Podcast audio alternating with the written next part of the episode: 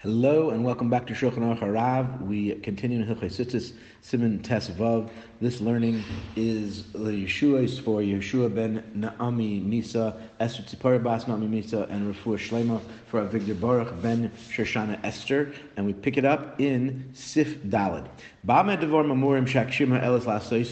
When do we say that tying a knot in one of the broken strings will help to make that a longer string when you want to move it from one garment to another. It's only It's only if you did this before the string was actually tied onto the garment.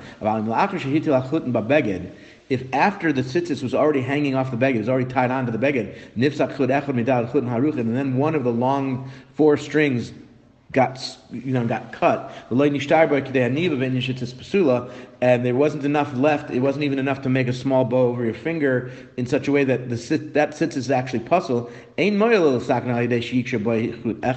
Uh, it does not help to be misakin this by tying a knot to another string because that tzitzis that's hanging off is already pasul in the shira. Nothing will help to make it kosher. It's already pasul.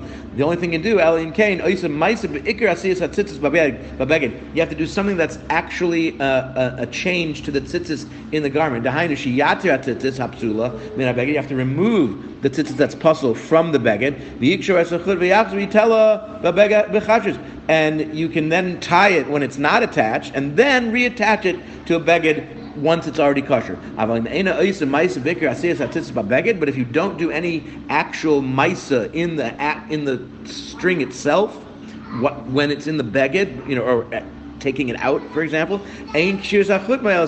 tying a knot into another string while it's still on this garment is not going to help because it's already puzzled. The Torah says, you must make the fringes, and not from something that was already made in a status of of psul. Yud, like we spoke about earlier in Siman Yud. Have a great day and a great Shabbos.